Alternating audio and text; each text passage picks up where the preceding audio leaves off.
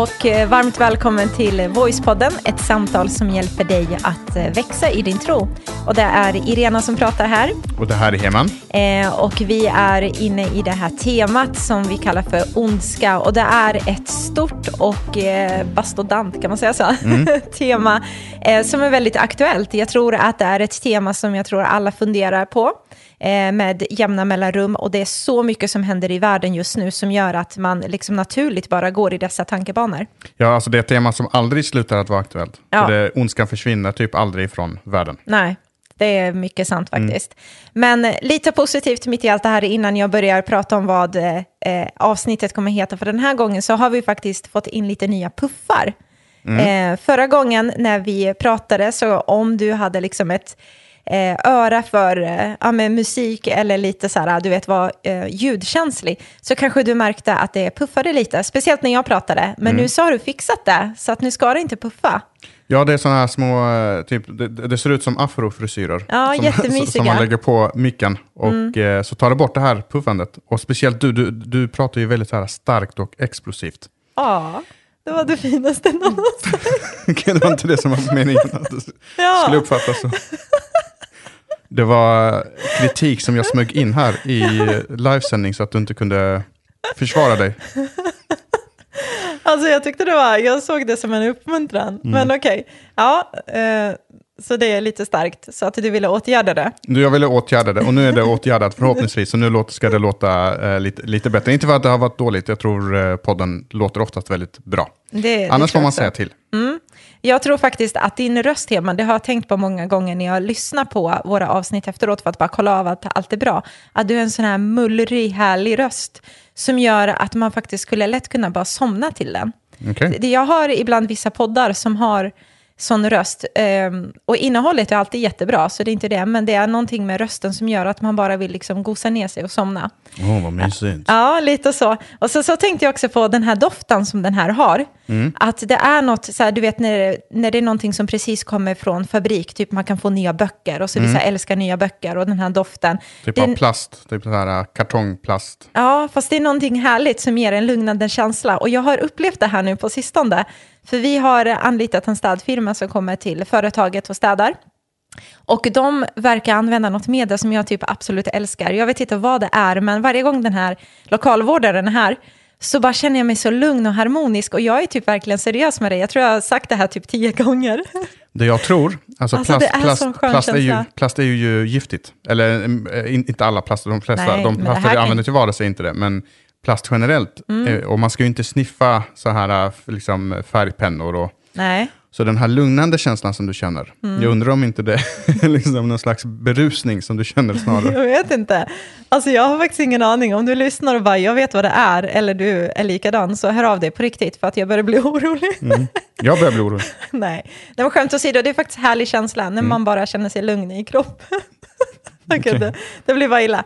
Idag Mm. så ska vi prata om temat ondska. Och eh, dagens avsnitt kommer handla om Gud i Gamla Testamentet. Är det samma som i Nya Testamentet? Är det alltså samma Gud? Och det där kan vara kanske för någon så här, ja men självklart, och för någon annan, jag vet inte, jag är lite fundersam kring det. Och det, Hema, ska vi sätta igång och prata om idag.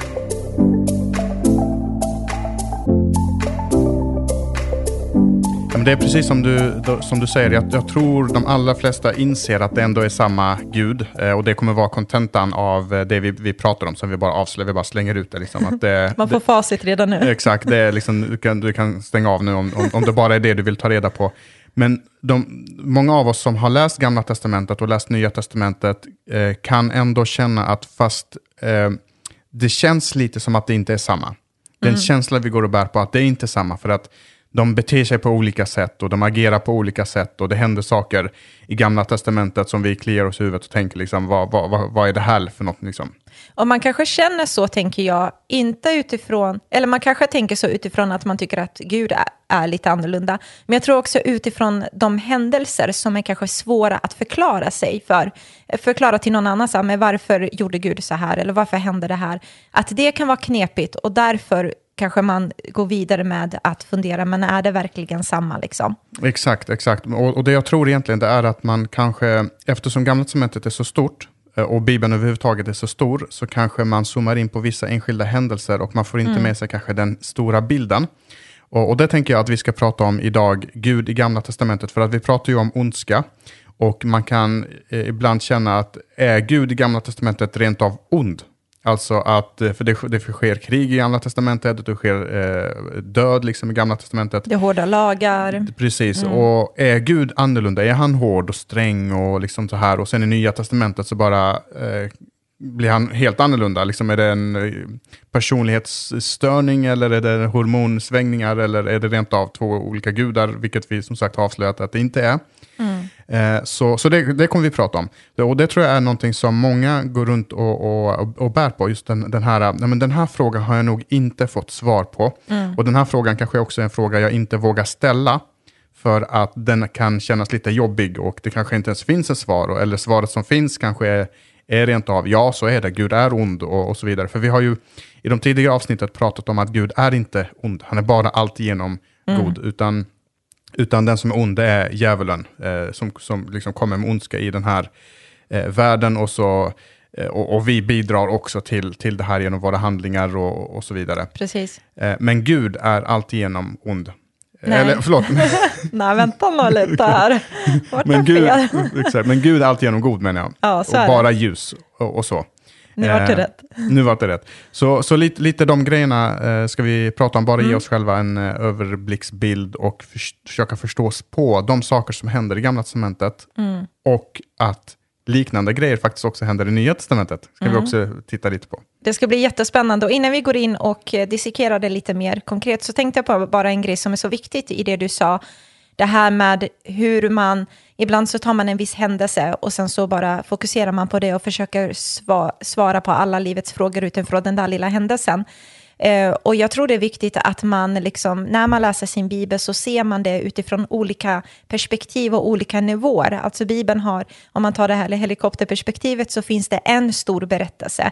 Att det här var stora tanken och så händer det här i mitten och där så, där framme, det här är slutet liksom och Gud kommer med lösning. Och sen så finns det en annan lager i människans berättelse och så finns det, ja men du vet, man går vidare i att man pratar om de olika eh, etniciteter, judarna och deras resa till det vi ser sen i Nya Testamentet. Så det finns verkligen Man zoomar olika... in liksom mer och mer. Precis, man zoomar typ in som mer någon och mer. som gillar tv-spel, man spelar eh, så här Dota eller något sånt där. Ska man zooma ut eller World of Warcraft eller något, något i den ja. stilen.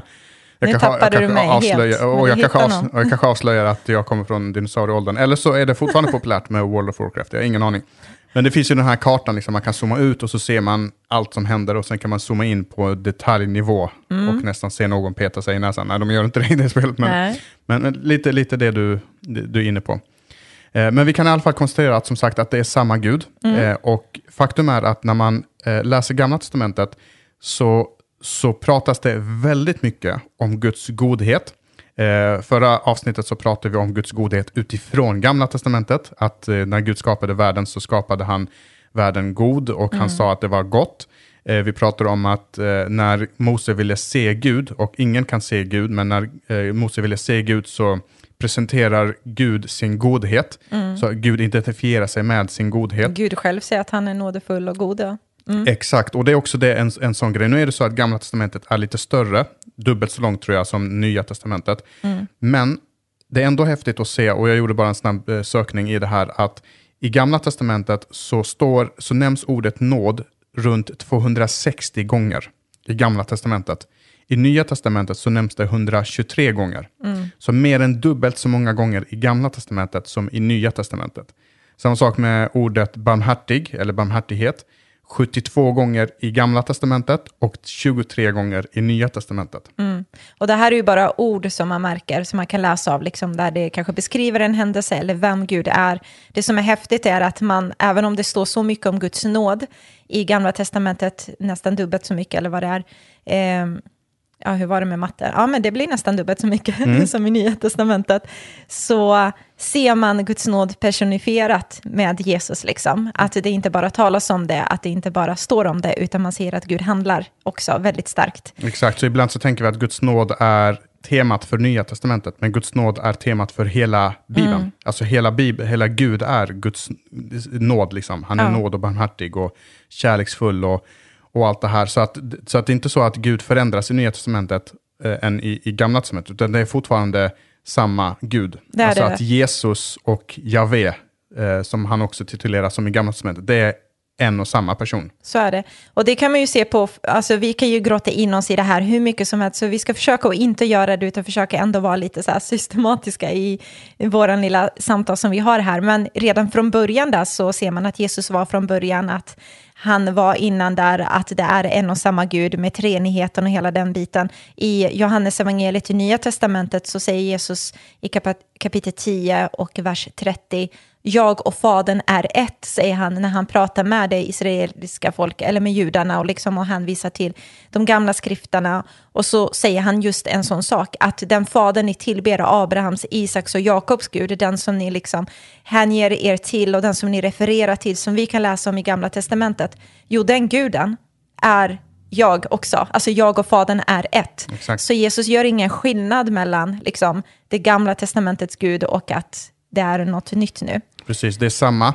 Och, hans, och, och vi har också pratat om att Gud inte förändras. Vi läste i ett av de tidigaste, tidigare avsnitten. Så vi refererar väldigt mycket till de tidigare avsnitten, så gå in och lyssna på dem. Ja. Om du hoppar rakt in i det här, visst du kan fuska och fortsätta lyssna, men man går in och lyssnar på de andra avsnitten, för du kommer få en mycket djupare förståelse av det. Och där tog vi upp just eh, eh, den här texten där Jakob säger att, att allt gott, eh, det står i Jakobsbrevet kapitel 1 och, och vers 17, att allt gott vi får och alla fullkomliga gåvor kommer från ljusens fader. Hos honom finns ingen förändring och ingen växling mellan ljus och mörker. Så är det. I, i Hebreerbrevet kapitel 13 och vers 8, Jesus Kristus är densamma igår, idag och i all evighet. Så Gud Precis. förändras inte. Han är inte på ett sätt i gamla testamentet och så är han på ett sätt i nya testamentet.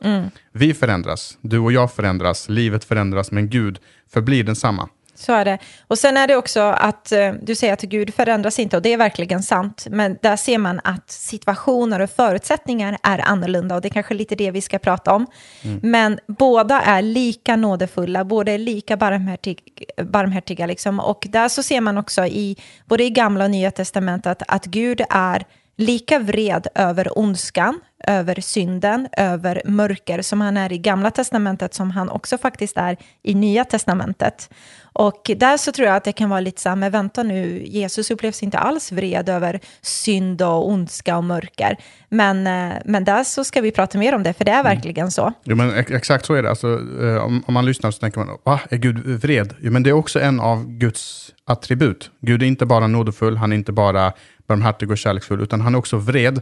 Men inte vred över människor, Nej. inte vred över sin skapelse, utan han är vred över ondskan i världen. Precis. Eh, Han är vred över det, det, det, det mörker som finns i, i världen. Och Jesus är på precis samma sätt när han kommer eh, in, i- liksom in i bilden för 2000 år sedan. För faktum är att Jesus pratar mer om helvetet, bara Jesus själv pratar mer om helvetet än vad, hela, än vad det står om helvetet i hela gamla testamentet. Eh, och det, det är ganska intressant och förändrar vår bild av att det är en och samma eh, person, men eh, fokuset kanske ligger lite olika, men fokuset ligger inte där vi trodde att det var. Att hela gamla testamentet var bara helvete och, och ondska och, och, och bestraffning, och nya testamentet, det är bara kärlek och acceptans och förståelse. Men, men Jesus pratade ju om det här. Mm, det gjorde han verkligen. Och sen så ett av de mest populära och mest lästa bibelverserna och mest eh, liksom delade bibelverserna varenda år, det är Johannes 3 och 16. Man, mm. liksom, man klistrar på det på koppar och på bilar och på allt möjligt. Eh, och där står det så här att så älskade Gud världen att han gav den sin enda son. Och när vi läser det så måste vi komma ihåg, vilken Gud är det som gav sin enda son? Jo, det var Gamla Testamentets Gud, som älskade världen så mycket, så han gav den sin enda son. Så är det. Jag tror oftast att det är så bra perspektiv för att man glömmer nog det där när man läser det. Utan man tänker nog, så älskar Gud världen, jo Jesus kom. Alltså Jesus-fokuset är så tydligt där. Men jag gillar det att du faktiskt också lyfter perspektivet och säger det, men vänta nu, som du sa nu, vilken Gud var det ju? Det är Precis. ju gamla testamentets Gud som älskar och hela poängen var ju i Gamla Testamentet att en frälsare skulle komma. Exakt, och, och, och, så fortsätter det. Så Gud älskade världen, han gav den sin enda... Eh, så den Gamla Testamentets Gud älskade världen så mycket att han gav den sin enda son, för att de som tror på honom inte ska gå förlorade, utan ha evigt liv. Det vill säga att några kommer gå förlorade och några kommer ha evigt liv. Det kan vi ta, prata om ett annat tillfälle, hur det kan komma sig. Eh, och så står det, det var inte för att döma världen som Gud sände sin son. Så gamla testamentets Gud ville inte döma världen och att det var därför han sände Jesus. Utan för att världen skulle räddas genom honom. Och sen så står det, den som tror på honom blir inte dömd. Så om du och jag tror på Jesus så blir vi inte dömda för att Jesus tar våran dom på sig. Mm. Men så fortsätter det med, den som inte tror är redan dömd. Eftersom han inte tror på eh, Guds enda sons namn. Mm. Eh, så även i den här kärleksfulla förklaringen, liksom att Gud älskade världen, i Nya Testamentet så står också de här sakerna att, att eh, liksom, Gud kommer att förinta all ondska en gång, en gång i tiden. Och, och det finns ett helvete och det finns en, en himmel. Så den här bilden på att Gamla Testamentet står för det onda, Nya Testamentet står för, för, för det goda, det, det, stämmer inte. Utan det står om ondska och godhet i Nya Testamentet, det står om ondska mm. och godhet i Gamla Testamentet. Precis. Och eh, jag eh, håller verkligen med i det, för att när man tittar lite mer i Gamla Testamentet med hur Gud hanterade folket och hur Gud var så kan man ju, vi ska inte gå in i detaljer nu, men så kan man se väldigt mycket hur Gud är nådefull, hur Gud är barmhärtig, hur han är tålmodig med folket när de går igenom den här öknen, hur de klagar, hur de liksom bara ifrågasätter Gud, varför tog du ut oss här och liksom nu kommer vi dö här ute och ändå så kommer Gud och gör något övernaturligt tar hand om dem, ger dem mat, ger dem vatten, ser till att de, deras liksom, fötter inte slits ut allt för mycket. Nej, men du vet, alla de här grejerna. Och så ser man i hur folket, det tyckte jag var fascinerande när jag var ny i tron, jag tänkte, tänkte så här, Alltså hur dum kan man vara egentligen? Mm. här, men just att Gud var så tydlig med människorna och bara, jag vill ge er det här och sen så höll de sig till Gud och sen så fick de för sig, nej vi behöver inte Gud, vi kör en egen grej. Och sen så gör de massa saker som inte alls är positiva och så vänder de om sitt hjärta och bara okej okay, Gud förlåt oss, så är Gud där direkt Exakt. och tar emot dem. Så fort de säger liksom förlåt oss mm. så är han där som om ingenting har hänt nästan. Liksom bara det gamla är förbi, det gamla är borta, ni är förlåtna, nu kör vi framåt. Mm. Så man ser sådana och gång efter gång så ser man alla dessa händelser när man läser kungaböcker och allt det där där man undrar bara Alltså har ni inte lärt er från förra kungen? Alltså det, det, är hela, alltså, hela, och det hela gamla testamentets liksom, eh, ja, process. Det, det, är liksom, eh, ja, så exakt som du beskriver. Ja, men exakt. Och, och de är inte mycket värre än vad jag som människa är idag egentligen, mm. i att man hela tiden, du vet, fram och tillbaka där. Men hur Gud är hela tiden nådefull eh, och barmhärtig och kärleksfull och bara har omsorg. Mm. Och på tal om det, alltså i Nya Testamentet så har vi ju den här starka bilden av Guds kärlekshandling genom att Jesus hänger på korset för vår skull. Mm. Det är liksom den ultimata kärlekshandlingen. Men i Gamla Testamentet finns flera liknande kärlekshandlingar som Gud, som Gud gör. En av dem, och den här är ganska brutal, du kan spola förbi det här nu om, om du känner för det.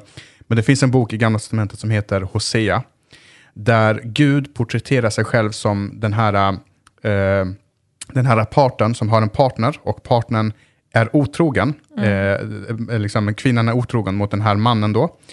Och, eh, och eh, hon är otrogen genom att bli prostituerad. Mm. Och den här mannen älskar den här kvinnan så otroligt mycket, så han är villig att gå ut mitt i natten och leta efter henne. Så han går på de här gatorna liksom, där prostitution pågår. Och så ser han vid ett tillfälle, liksom frågar, har ni sett min fru? Har du sett min fru? Vissa visste inte, vissa visste och så vidare. Och till slut så upptäcker han var hans fru är. Och han uh, vet att hon, ha, hans fru är i den här bordellen. Mm. Så för att vinna tillbaka henne så ställer han sig i kö. Och väntar på sin tur. Och väntar på sin tur för att få komma in mm. till henne för att vinna tillbaka henne. Och den bilden är den bilden som du pratar om. Mm. Att Gud är som den här Eh, och som sagt, det här är magstarkt och en del kommer tycka att det här är, liksom, hur, kan du, hur kan du säga något sånt här? Men det här finns med i Bibeln. Alltså finns Gud... med i Bibeln där Gud ber Hosea göra det här, som är en bild på den här relationen för Gud och folket, det judiska folket. Exakt, att trots att mm. vi väljer att lämna Gud, trots att vi väljer att vända Gud ryggen, så är han där och väntar på oss. Mm. Bara vi vänd, vänder oss tillbaka till honom så är han där kärleksfull och tar emot oss. Och nu pratar vi alltså om gamla testamentets bild.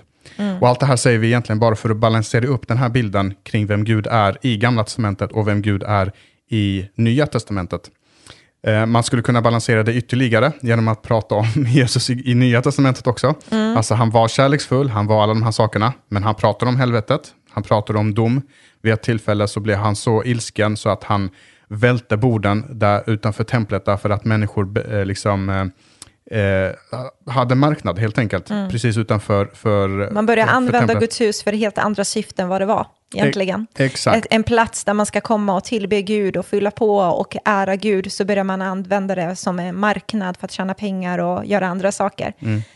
Eh, och där så, så, såg man hur Jesus var otroligt upprörd. Mm. Eh, och den sida kanske man inte vill prata så mycket om, utan det är mer den här peace, love, understanding som vissa målar upp väldigt vilt. Liksom. Mm. Men där finns det också, precis som du säger, men vi kan ändå inte gå bort ifrån att det finns händelser i Gamla Testamentet där det är ganska magstarka händelser, där död förekommer, där vi undrar liksom, hur kan Gud stå bakom det här när Israels folk ska inta ett visst land och det händer att människor går i, i krig med varandra och många ja, men går bort och blir döda och det är bara brutalt. Liksom.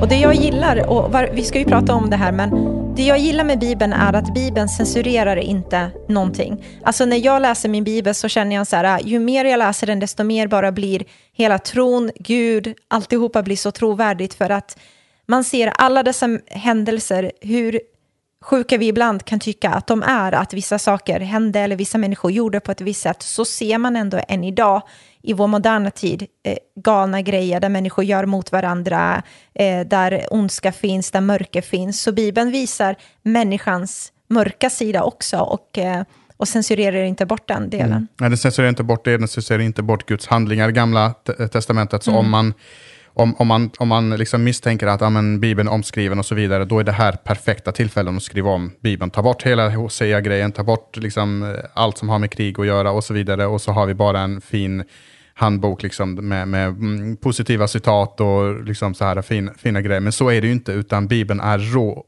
Och anledningen till att den är det, det är för att livet är rått. Mm. Livet är, liksom, och det är någonting vi kanske behöver mer än någonting annat. Bara få vara mer nakna inför varandra inte fysiskt, men, men liksom kunna visa vår, vårt rätta jag, eh, mm. ta ner masken och så vidare. Det är så befriande också. Exakt. Mm. Så för att eh, ge liksom ett, eh, och, och det här kommer inte vara något heltäckande svar för någon, och anledningen till det är att ingen av oss, vare sig jag, du, du som lyssnar, eller någon präst, pastor, eller eh, högt uppsatt man i någon annan religion, eller whatever som du kan, president, whatever du kan komma på, ingen av oss kan förstå sig på Gud till 100 procent. Mm. Det är bara att inse och det är bara att, att liksom kapitulera inför och säga Gud, jag förstår inte allt, men jag förstår en sak och det är att du är så mycket större än vad jag är. är du har helikopterperspektivet, du har zoomat ut från den här word, liksom, mm. wow-scenen. Eh, så du förstår allt, du är allvetande, men jag är inte det. Ja, och det är så viktigt med det perspektivet, för jag brukar tänka att om jag börjar förstå mig på Gud och vet vad hans nästa steg är, då är han för liten Gud. Exakt, då är han inte Gud längre. Nej, alltså, för då, då är det ju då, någonting jag kan kontrollera och bara liksom så här, ja men jag tror hans nästa steg är det här och det här. Precis, man har precis, jag läste det på, eh, såg det på nyheterna, att, att man har precis upptäckt att Vintergatan, vår galax, är mycket större än vad vi ens trodde från början. och jag har i, tidigare i den här podden berättat om hur stor, liksom, hur mycket, många miljarder stjärnor det finns och varje stjärna är det ryms liksom eh, en miljon jordklot i varje stjärna och så vidare och så vidare och så vidare. Och så får vi upptäcka att oj, våran, bara våran galax, det finns en, miljon, eh, en miljard galaxer också. Bara våran galax är större än vad vi egentligen wow. trodde. Och om det skulle visa sig att oj, den guden jag tror på, den gud som jag förstår mig på, så jag förstår mig på den guden som håller hela universum i sin hand, då skulle jag bli orolig. Mm. Så vi förstår oss inte på Gud, men några idéer, några tankar som kan hjälpa oss att sätta oss in i Guds perspektiv det är en, en, en, liksom en, en liknelse eller att vi försöker sätta oss in i de situationer som Gud handskas med. Eh, sätt dig in i den här bilden där du sitter hemma och du har en son eller en dotter och eh, i det här rummet eller i den här lägenheten eller huset eller vad du nu befinner dig i, rätt vad det är, så kommer det, så, så, så bryter sig en eh, person in och den personen, du ser i den personens ögon att den är illasinnad, den har med mm. sig ett vapen och den ger sig på din son eller din dotter och du vet att den personen kommer ta koll på min son eller min dotter för att du ser det här vapnet och du ser vad de håller på med. Mm. Vad hade du gjort i den eh, stunden?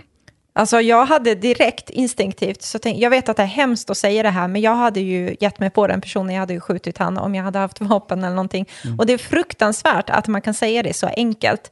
Men det är ju för att man vill försvara sin dotter. Alltså jag kan ju inte bara föreställa mig om någon skulle ge sig på vår lilla dotter Juvelina. Alltså jag vet inte vad jag hade gjort. Alltså jag hade nog inte ens tvekat i den situationen, i den händelsen, tror jag instinktivt att jag hade bara gett mig på för att försvara min dotter. Och, Men och, jag, och jag är lite mer så här ref, reflekterande, så att när jag ställer den frågan så blir jag chockad av, över hur, eh, Enkelt hur jag självklart det var. Så för vissa som lyssnar på det här så är det det mest självklara.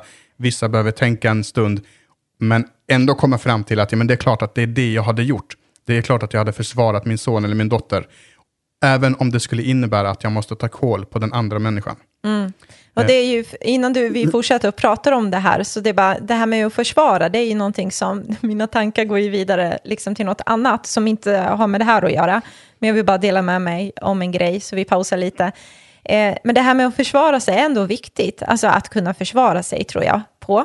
Eh, inte att man ska gå runt och köra karategrejer på stan, men just det att man ändå kan försvara sig. Så jag, jag vet inte varför jag drömde det här för någon dag sedan, alltså varför det var kopplat till det, men jag hade en mardröm kan man säga, för jag kände att det var en mardröm i den situationen.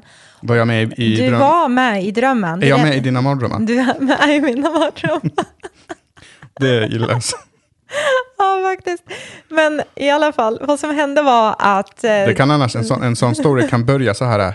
Jag drömde om dig älskling. Eh, och, och, och då tänker man genast så här. Åh, har du drömt om mig? Vad fint. Ja, nej, det var verkligen en mardröm, den här situationen. Och jag måste bara berätta, det som hände var att du var typ på stan eller något sånt där. Och sen så var det några killar som gav sig på dig och eh, bara började slå ner dig helt enkelt. Okej. Och i den här drömmen så kunde jag se, liksom, från ett annat, jag var inte med där, så kunde jag se hur du inte kunde försvara dig. Hur de bara totalt så här, slog ner dig verkligen. Och jag var så upprörd, för att alltså, jag kände så här, sorg och jag var ledsen och arg och du vet, så här, upprörd. Så när jag vaknade och där låg du och sov så tryggt, tänkte du, så tittade jag på dig och var riktigt arg alltså. Var du arg på mig? Jag var arg på dig för att du inte kunde För försvara det var- dig. Det var den känslan, så här, varför kan han inte försvara sig? Det var ju inte mitt fel. Hur Nej, jag kan du vet, vara arg på mig? nej, jag vet. Det var det som var så helt galet faktiskt. Att jag vaknade och bara kände så här, jag var riktigt upprörd faktiskt. Mm. Och jag tror det var lite så här att jag var småsur på morgonen. Men sen så lade det sig. Det måste ha varit typ så här, om jag inte kan försvara mig, det är det liksom den enda förklaringen. Jag försöker för, förstå det du berättar. Så Ja. det, det enda sättet för mig att förstå det, det är typ att om jag, går, om jag dör, så blir det tråkigt för dig. Och jobbigt för dig. Och därför så blir du arg på mig för att jag inte kan försvara mig. Va? Vadå? Hängde du med? Nej, jag fattar inte. Okej. Det här ska inte ni som lyssnar behöva uh, lyssna. Vi får ta det sen, Irene. Vi får ta det sen.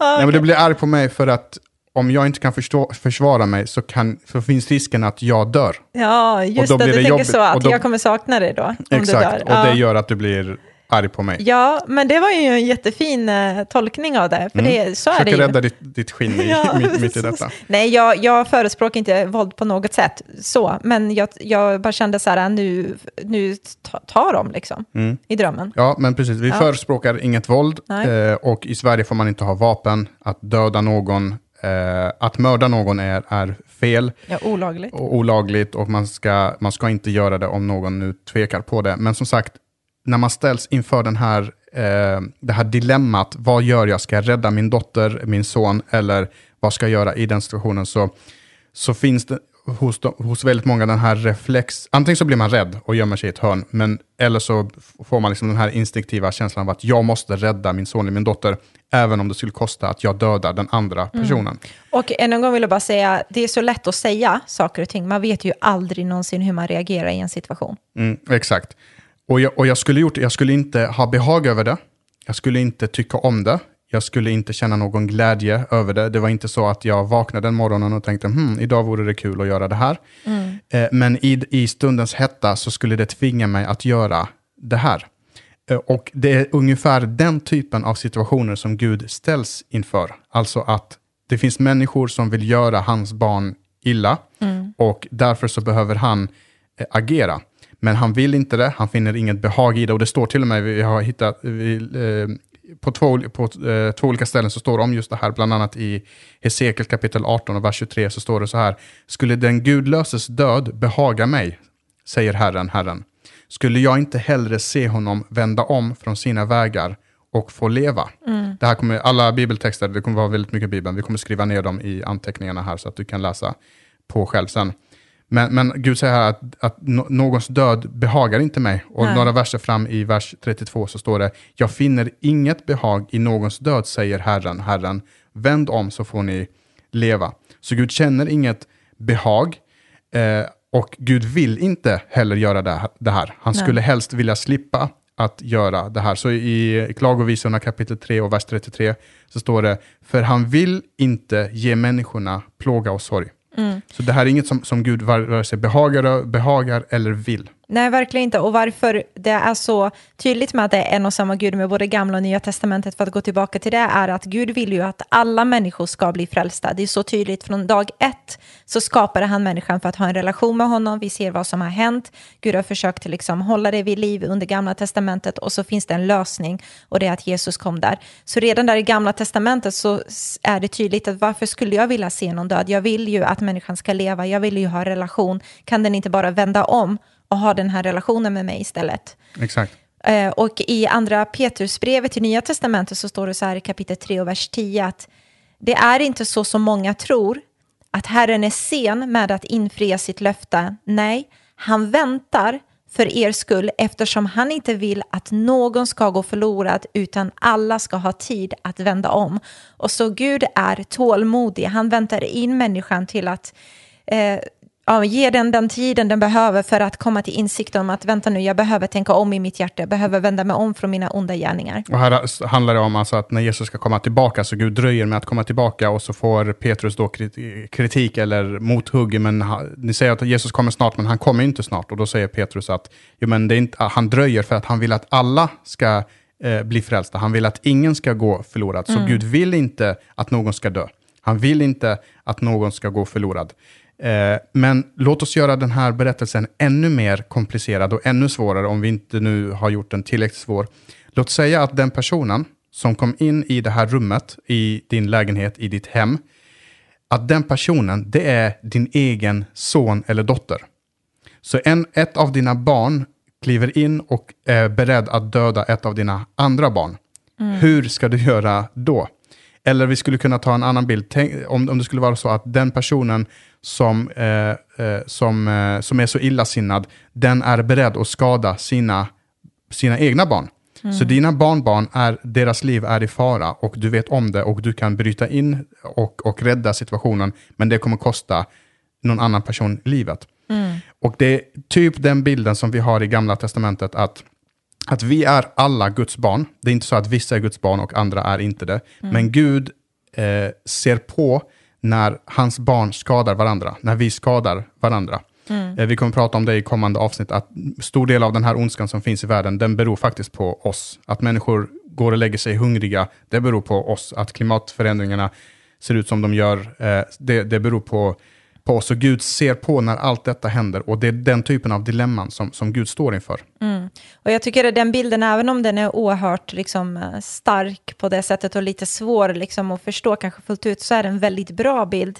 Den kommer så pass nära till att vi på något sätt ska försöka få oss att förstå hur Gud handlade i vissa situationer. Just det här att alla människor som du säger är Guds barn. Gud älskar dem lika mycket. Han älskade det judiska folket där, men han älskade också, vill vi tro, alla dessa assyrier och babylonmänniskor och kanerna och alla dessa, liksom, alla människor som fanns på den tiden ville ju Gud ha nära, ville han ha en relation med.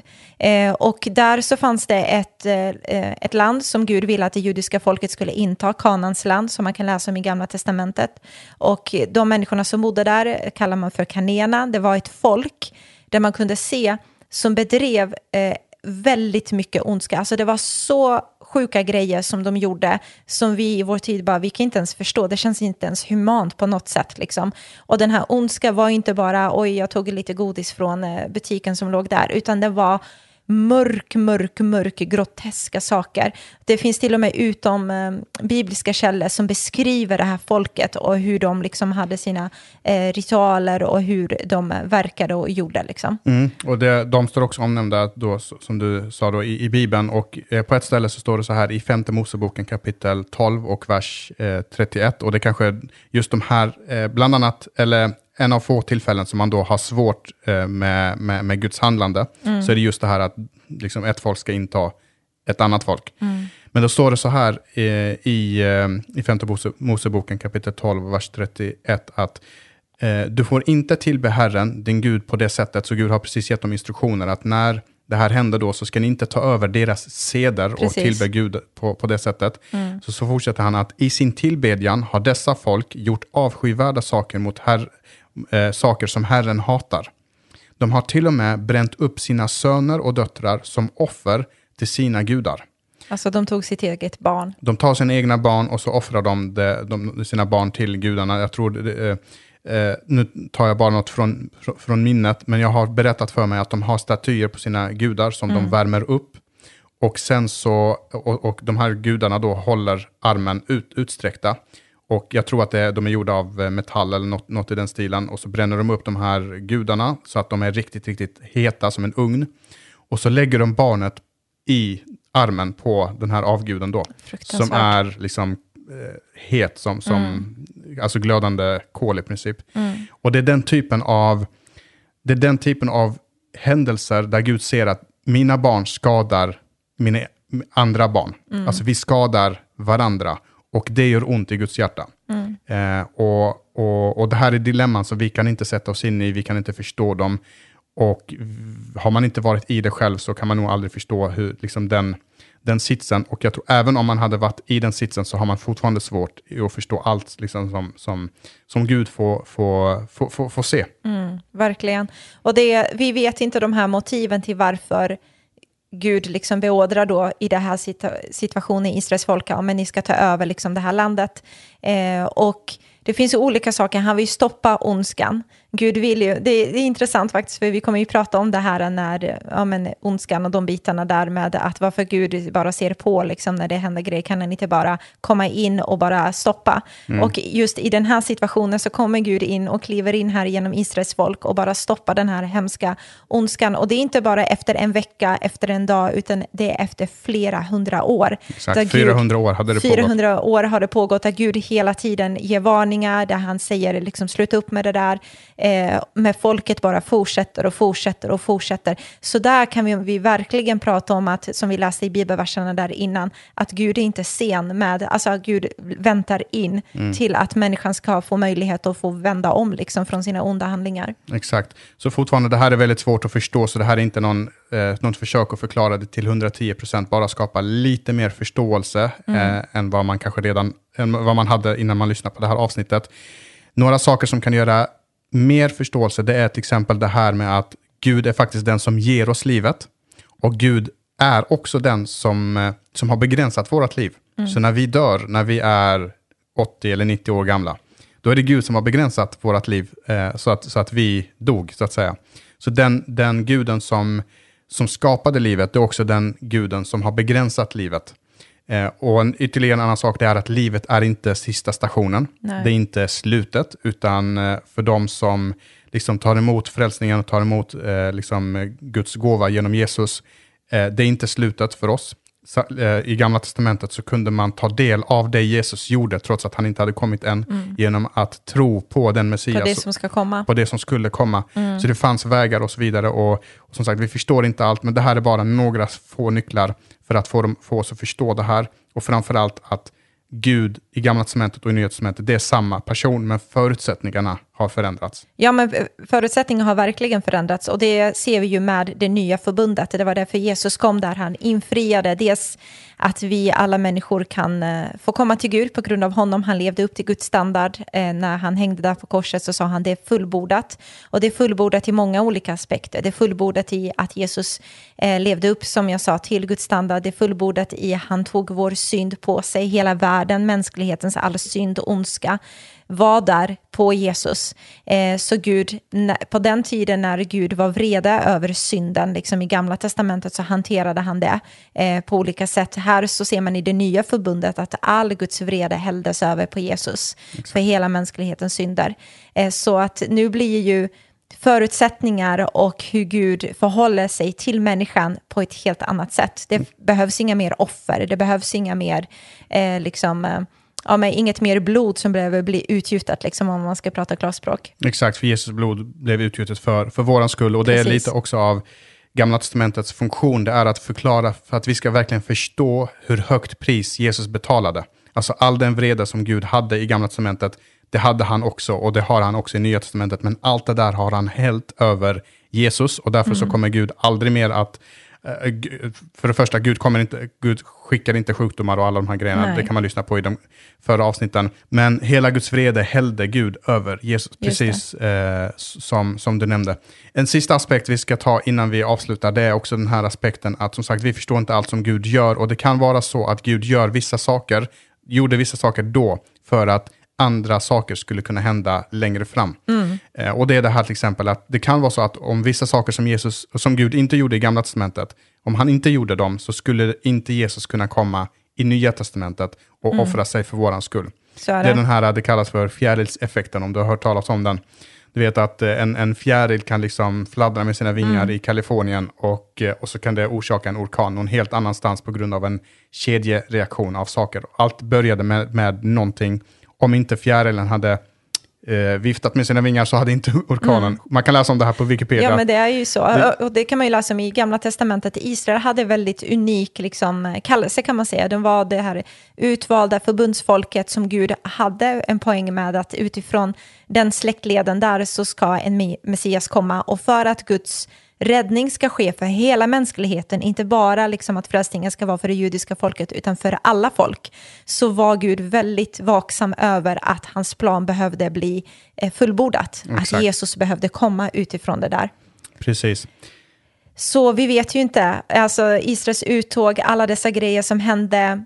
Vi kan ju bara spekulera i om det inte hände det här och det här. Vad, tänk om Jesus aldrig hade kunnat komma ur eh, ja, men Maria eller tänk om hon aldrig hade, ja men du vet, alla de, dessa saker. Exakt. Eh, Vi kan bara egentligen summera det hela med att vi kan försöka förstå, men Ja. vi kommer nog aldrig förstå fullt ut och det är skönt att vi inte gör det.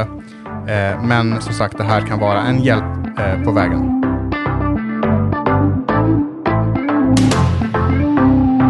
Så nu har vi avrundat eh, del tre i temat ondska och vi har som sagt pratat om Gud i Gamla Testamentet är detsamma som i Nya Testamentet och vi kom fram till ja, det är så och gav lite förklaringar till varför vi tänker så också.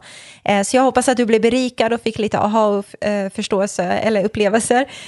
Har du frågor, funderingar, skicka in det självklart till hejatvoice.se. Men du får jättegärna skriva recensioner om du inte har gjort det än och framförallt dela. Dela gärna det här avsnittet för jag vet att det är så många där ute som funderar. Man kanske har någon kompis som undrar kring det här. Och det är ändå en klassisk fråga när det pratas om liksom den kristna tron, bara med Gud i gamla testamentet verkar. Så det här är perfekt eh, första steg kanske, att eh, introducera någon och, och lyssna på det här. Eh, så gör det jättegärna. Eh, tack för att du lyssnar, så återkommer vi nästa vecka, va, Heman? Det gör vi. Ett nytt avsnitt.